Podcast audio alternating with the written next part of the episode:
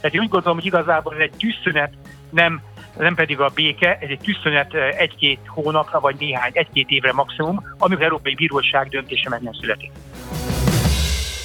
Üdvözlöm Önöket, ez a Mandiner podcastje, Maráci Tamás vagyok. Megszületett a megállapodás a jogállami mechanizmusról, mégpedig elég hamar csütörtökön az EU csúcs találkozó első napján. Ennek értelmében az uniós pénzek kifizetését egyelőre nem kötik a jogállamisági kritériumok betartásához, a magyar és a lengyel kormányfő Brüsszelben diplomáciai győzelmét ünnepelte. A jogállamisági feltételrendszer azonban rövidesen hatályba lépett, ha az EU bírósága az uniós joggal összeférhetőnek ítéli. A politikai kötéhúzás tehát várhatóan még sokáig elhúzódik. Erről kérdezzük most Gyévai Zoltánt, a brüsszeli Bruxinfo főszerkesztőjét, akit Brüsszelben értünk el. Köszönjük szépen, hogy itt vagy velünk Zoltán, és hogy szakítasz néhány percet. Szia! Köszönöm, hello, köszönöm szépen a meghívást. Zoltán, adj kérdezzem rögtön a, a, a, a minősítését ennek a dílnek. Ez egy piruszi győzelem, vagy pedig egy nagy diplomáciai győzelem a, a magyar-lengyel partnerek részére a vétó belengetésével elért eredményük? Úgy érzem, a kérdés is jó ilyen értelemben, hiszen két különböző idősíkkor beszélünk. Ugye, amikor a piruszi győzelemről beszélünk, akkor általában a piruszi győzelem mindig utána szokott kiderülni, hogy egy győzelem az mégsem akkor a győzelem, ugye? Ezt az eredeti is így volt. Tehát olyan alkú született, amit pillanatnyilag ebben a pillanatban, ebben a helyzetben a magyar miniszterelnök sikerként állíthat be, hiszen valahol tulajdonképpen nem sikerült megakadályozni azt a mechanizmust, amely várhatóan, ha az Európai Bíróság jóvá hagyja, hamarosan egy éven belül életbe léphet. Erről beszéltünk, mert gyorsított eljárás lesz valószínűleg. Viszont valószínűleg az sikerült elkerülnie a legrosszabb forgatókönyvet, hogy még a 2022 tavaszi választások előtt ezt a mechanizmust bármilyen esetben, vagy bármilyen ok hivatkozva aktiválhatnák. Tehát mindenki egy átpolitizált véleményt fogalmaz most meg, mindenki a saját szempontjából kiemeli a dílből a, a fontosabb részeket, amely a saját álláspontját megerősíti. Ugye a magyar-lengyel kommunikáció azt mondja, hogy sikerült megakadályozni a jogállamisági mechanizmus, sikerült megőrizni a szuverenitást, az eredeti szerződésekben foglaltakat sikerült bebetonozni. A másik oldal pedig azt mondja hogy megvan a mechanizmus, csak kicsit kitoltuk, hogy legyen költségvetés, és nem változik a jogállamisági mechanizmus, csak a magyar lengyeleket most tettünk egy, egy átmeneti engedményt. Mi a tényszerű valóság akkor számodra és szakértő számára? Igen, hát itt arról van szó, valóban, hogy a politikusok mit mondanak, az egy dolog természetesen, mi szakértők azért vagyunk, hogy ettől függetlenül politikai felhangok nélkül értelmezzük.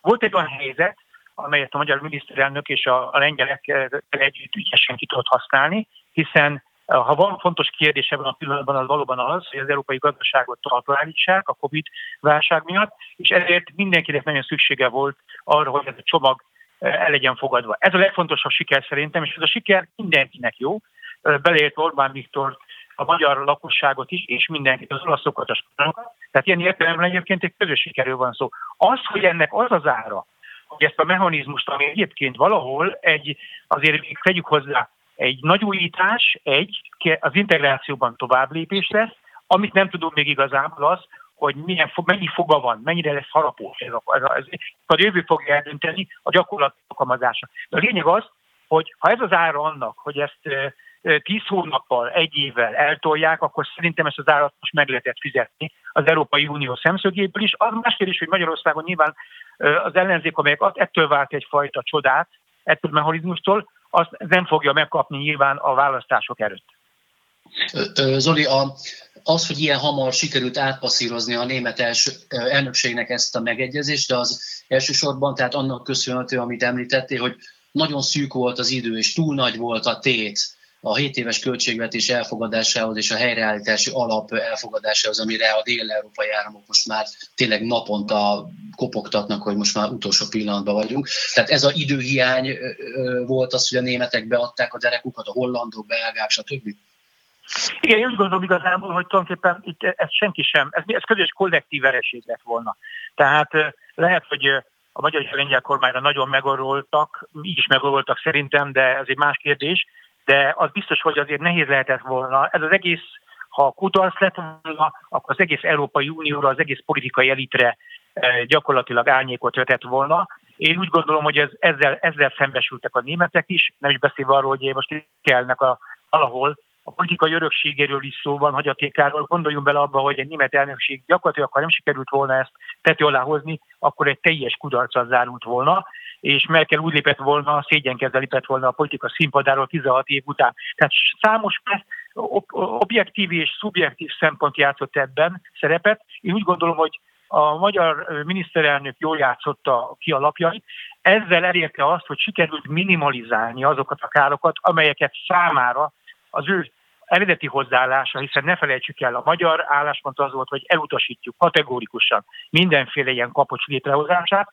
ezt nem sikerült elérni, ezek után a másik feladat az volt, hogy minimalizálják ezt a vereséget, ez sikerült, valaki úgy fogalmaz, hogy döntetlenre hozták ki, igazából én úgy gondolom, hogy ez nem zárult le. Az egésznek az értelmezése már most megkezdődik a másik napon a háború, tehát én úgy gondolom, hogy igazából ez egy tűzszünet, nem nem pedig a béke, ez egy tűzszünet egy-két hónapra, vagy néhány, egy-két évre maximum, amikor Európai Bíróság döntése meg nem születik.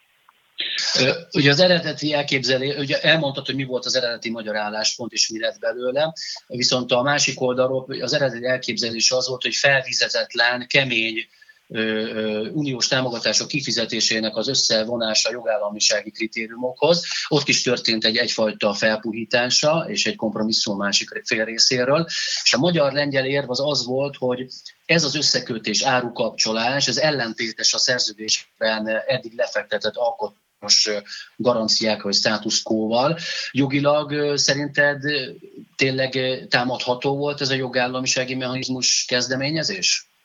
Nem vagyok EU jogász, ezért ebben a kérdésben egyébként ahány jogász, ugye a közgazdászok szoktak azt mondani, hogy ahány közgazdász annyi véleményt képvisel. Én úgy gondolom, hogy a jogászokra is ez illik, ebben az esetben legalábbis igen, hiszen ezt, ezt az Európai Bíróság fogja kimondani. Tehát én ebben nem mennék bele, a, bíró, a bírók majd kimondják igazából, hogy kinek volt igaza. Én úgy gondolom, hogy a tanács és a bizottság jogi szolgálata és a parlamenti is elég egységes, hogy szerintük ez a ez a jogalap, ami alapján meghozták ezt a döntést, tehát ami alapján megszületett ez a rendelet, megszületik, ugye még nem fogadták el a pillanatban, ez szilárd jogi alapokon áll, és a szerződéssel is összhangban van. Magyarországnak és Lengyelországnak szíve joga ezt vitatni, ugye más esetekben is előfordult, az Európai Bíróságnak van az egyetlen lehetőség arra, hogy ezt értelmezze. Hozzáteszem, ez egy kétérű mondjuk így fegyver, mert hogyha a Magyarország és Lengyelország álláspontját nem fogadja el az Európai Bíróság, magyarán, akkor ennek a az egész mechanizmusnak a politikai alkalmazása sokkal könnyebb lesz, politikai szempontból sokkal könnyebb lesz alkalmazni. Tehát azért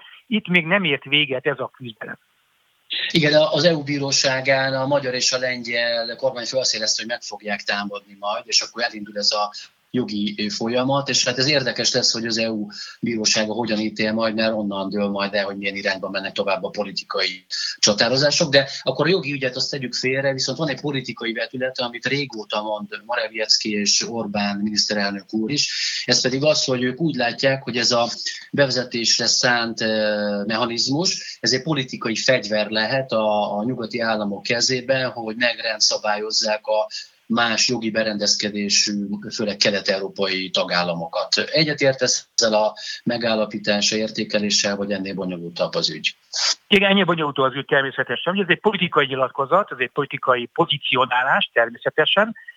Legyünk őszinték, szóval nároljunk azért tényleg. Itt arról van szó, hogy a magyar és a lengyel modell eltér a, a legtöbb ország modelljétől az Európai Unión belül. Ez egy kihívást intéz ahhoz a modellhez, alapmodellhez, amin az Európai Unió alapul, és ugye ez a liberális demokrácia modellhez, ezt ugye nem is, ezt, azt hiszem minden, ezt senki sem vitatja igazából, és a vita itt, itt folyik igazából erről. Ez van mögötte gyakorlatilag, ez a szemlélet, a demokrácia felfogás, demokrácia szem, szemlélet. Anélkül, hogy abban állásfoglalnánk, hogy ki a jó, melyik a rossz.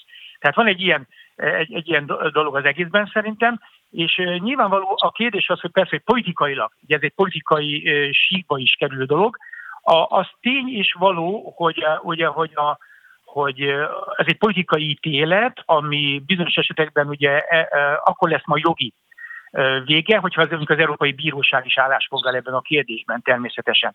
De az, hogy a, nyilván a Magyarország és Lengyelország úgy látja, hogy ez egy eszközként használható lesz ellene, azt tudjuk, hogy a Magyarország és Lengyelország így lette ezt a mechanizmust. Így erre, erre akartam igazából kiukadni. Tehát az tényes való, hogy Magyarország és Lengyelország is lett a mechanizmust, az viszont kérdéses, hogy ez Magyarország és Lengyelország el, csak Magyarország és Lengyelország ellen irányul. Ez egy más kérdés. Én úgy gondolom, és ez nagy kérdés igazából, erre, erre nem tudok választani egyelőre az alapkérdésre, mert ezt a gyakorlat fogja megmutatni. Az látható, hogy van egy bizalmi válság, nagyfokú bizalmi válság Magyarország és Lengyelország és a bizottság, illetve a többiek között, hiszen vegyük, azért látjuk azt is, hogy a tanácsban is folyik ugye egy passzírozás, és ez a bizalmi válság oda vezetett, hogy mindenki másik félről azt feltételezi, hogy ezt akarja, azt akarja. Ezért nyilvánvalóan nagyon fontos, hogy szilárd jogalapokon álló mechanizmus meghatározott feltételek mellett lehessen csak egy ilyen mechanizmust ilyet el, el, el, elindítani igazából. Én azt látom, hogy általában ezek az ilyen hasonló mechanizmusok az Európai Unióban azért születnek azok az úgynevezett szankciós mechanizmusok, hogy ne kelljen őket alkalmazni. Abban esetleg én is túl, tovább megyek azon, hogy itt viszont arról lehet szó, arról is szó lehet, hogy ezt alkalmazni is szeretnék, alkalmazni is próbálják. Az viszont egy továbbra is kérdés számomra, és meglátjuk, hogy ez hogy lesz, hogy alkalmazni is fogják. Azért ne becsüljük alá azt a szöveget, amit majd, amit itt azért rendelet formájában elfogadtak, és nem is az értelmezésről van szó, amit az Európai Tanács fogalmazott el, fogadott el, hogy, hogy az sem könnyű azért, itt nem csak arról van szó, hogy lesz egy, van egyfajta hiányosság, jogállamisági hiányosság, az Európai Tanácsnak be kell tudnia bizonyítani azt is, majd ebben az esetben, hogy ez konkrétan uniós pénzek, költségvetés pénzek szabálytalan, vagy csalással, vagy korrupciós felhasználással vezetett. Na ez nem lesz az olyan könnyű feladat, Igen. a kettőt összehozni egy nevezőre. Igen. Zoltán, akkor itt, itt hagyj kérdezek két elágazó kérdést, mindegyik kapcsolódik ahhoz, amit most összefoglaltál. Az egyik az, hogy mondjuk tételezzük fel, hogy 2021-ben egy éven belül az EU bírósága ezt jóvá hagyja, és úgy ítél a, ebben az ügyben, hogy ez az előterjesztés a magyar és lengyel beadvány ellenében megállja a helyét, összhangban van az EU joggal, akkor mi fog történni? Tételezzük fel, hogy a lengyel részről, vagy a magyar részről van egy visszaélés az EU-s pénzekkel, akkor mi, milyen fajta intézkedés következik onnantól. Miben különbözik majd egy kötelezettségszegési eljárástól, vagy a hetes cikkel szerinti eljárástól? Ez egy új mechanizmus lesz? Igen, tehát gyakorlatilag itt arról van szó, ugye, hogy az Európai Bizottság egyébként ilyen értelemben már 2021. január 1-től ketyegni fog az óra, tehát viszonylag is lehet majd számon kérni dolgokat, bevasalni vagy számon kérni dolgokat. Az Európai Bíróság azt mondja, hogy ez a mechanizmus így, ahogy van, elfogadható összhangban az Európai Uniós joggal. Egyébként egy lépés lesz, hogy már emlékezt, ha ilyen lesz, akkor igen, akkor attól kezdve az Európai Bizottság alkalmazhatja. Mit jelent ez? Igaz, bocsánat, még egy dolgot elfelejtettünk. A bíróság ítélete megnyitja majd az utat ahhoz, hogy az Európai Bizottság elkészítse az iránymutatásokat, hogy hogyan fogja alkalmazni ezt az eszközt. Magyarán az Európai Bizottság bíróság ítélete még önmagában nem fogja azonnal eredményezni a következő hónapban induló egy eljárás. Még pár hónapnak el kell tennie, meg lesz az iránymutatás, és az iránymutatások után fogja az Európai Bizottság ezt alkalmazni. Ugye most úgy beszélünk, hogy nem tudom, milyen iránymutatások lesznek, az nagyon fontos a lényeget látni. Hozzá kell tennem, és ezt a magyar-lengyel páros javára kell írnom, hogy nagyon úgy fogadják ezt a rendeletet, hogy számos részletkérdés a végrehajtást illetően eh, homályban van.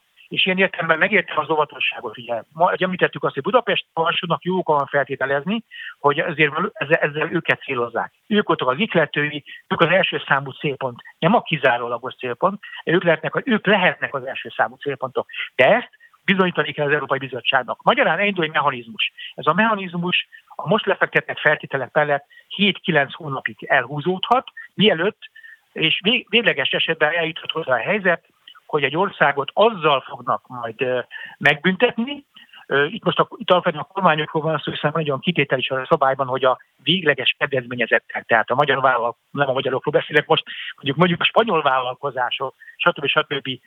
Erasmusos diákok nem szenvedhetnek kárt emiatt. Tehát magyarán eljuthat oda a dolog, hogy a, a, a, a kifizetéseket, illetve ez is egy kérdés egyre a kötelezettségvállalásokat, pénzügyi kötelezettségvállalásokat, vagy kifizetéseket leállítják, felfüggesztik, esetleg csökkentik. De ez majd konkrétan, ugye nagyon fontos lesz, és ez benne a rendeletben, hogy a büntetés mértékének arányosnak kell lenni az elkövetett, időzőben mondom, bűncselekmény, vagy szabályszerűtlenség, szabály, szabályellenességnek a súlyával. Igen, hogy ezek szerint nehezebb lesz az uniós pénzekkel való visszaélés a tagállamokban, annyi biztos ebből a mechanizmusból, ugye? Annyi biztos, hogy, hogy van egy, egy, egy addicionális, egy kiegészítő mechanizmus, ami konkrétan első alkalommal kapcsolja össze a jogállami hiányosságokat az uniós büdzsével. Ugye olyan már van egyébként, hogy a csalások, a korrupció ellen, tehát valóban, ha csak erre vonatkozni az az új mechanizmus, akkor semmi értelme nem lenne, hiszen ilyenek léteznek ilyen eszközök. Tehát van itt egy speciális elem, ez pedig a jogállamiság ugye, összefüggés, és ha ilyenek vannak mostan, tehát nem mostantól, hogy ha majd ez végleg ugye jogerőre fog emelkedni, de ugye meg lehet az Európai Bíróság mit vele, akkor attól kezdve igazából lehetőség lesz e, ezt a kapcsolat végigjárni és számon kérni igazából. Tehát igen, valójában igaz, valóban úgy van, megnehezítheti a, az uniós pénzek rovására elkötött szabálytalanságokat, hiszen például, hogyha a magyar hatóságok nem járnak utána bizonyos ügyeknek kellő lelkismerettel, körültekintéssel, itt érdekes elem, behozok egy új elemet az Európai Ügyészséget. Ugye, ha Európai Ügyészségnek tagja lenne Magyarország, Lengyelország, egyszerűbb lenne a dolog, hiszen lenne egy olyan európai ügyész, amely független a magyar-lengyel hatóságoktól, és amely gyakorlatilag ezeket az ügyeket be tudja vinni a magyar bíróságok elé. Ilyen a magyar-lengyel esetben nincs, hiszen Magyarország nem vesz részt a megerősített együttműködésben, ezért ebben az esetben, magyar-lengyel esetben nyilvánvalóan ez egy kevésbé egyértelmű dologról lenne szó. Tehát itt azt mondom, hogy nagyon érdekes dolog lesz a végrehajtása, de az biztos, hogy van egy addicionális, egy plusz elem lehetőség arra, hogy, hogy az uniós pénzekkel való visszaéléseket megfogják.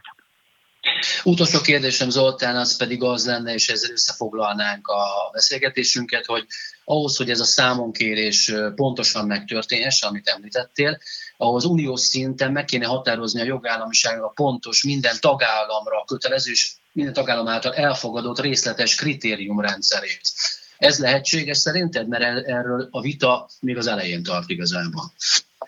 Igen, itt van egy vita. Azt hiszem azért, ugye, én azt hiszem, hogy ezt két dolog kell várnunk ebből a tekintetben. Ugye az egyik az, amit mondtam, hogy az Európai Bizottság milyen irányutatásokat fog adni. Nem hiszem egyébként, hogy azt le fogják majd írni, mondjuk, hogyha hogyha mit tudom, a főügyész ebben és ebben az obodában végzett, akkor, akkor attól kezdve lehet, lehet Magyarországtól vagy másik országtól pénzeket megvonni. Tehát nyilván nem lesz ennyire didaktikus és nem lesz ennyire részletező a leírás. Egyébként a jogállamiság előtt, a jogállamiság, mit tudom, a jogállamiság mennyire már most ilyen kitűnőben létezik. Én úgy gondolom, hogy itt is két tábor van, tehát ez sem egyértelmű, hogy nem létezik egyébként kodifikálták, de a jogállamiságnak számos ismérve van. Viszont ami nagyon fontos szerintem a döntő dolog ebben is az Európai Bíróság lesz. Ugyanis, hogyha ez az ítélet optimális lesz, akkor nem csak arra fog kitérni majd, hogy összeférhető, összefér ez az egész mechanizmus az Európai Uniós jogból, hanem arra is ki fog térni, hogy milyen alkalmazási területei vannak, milyen alkalmazási módjai vannak, és a, és a jogállamiságra. Ne, ne, ne becsüljük alá az Európai Bíróság szerepét.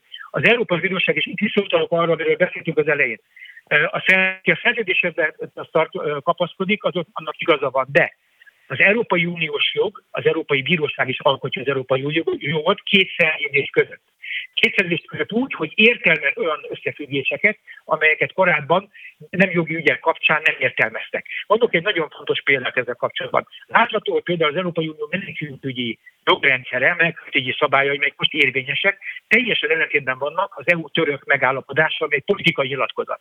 Nem, nem került az Európai Bíróság elé egy olyan beadvány, ami ezt ellenmondást a feloldását kérni.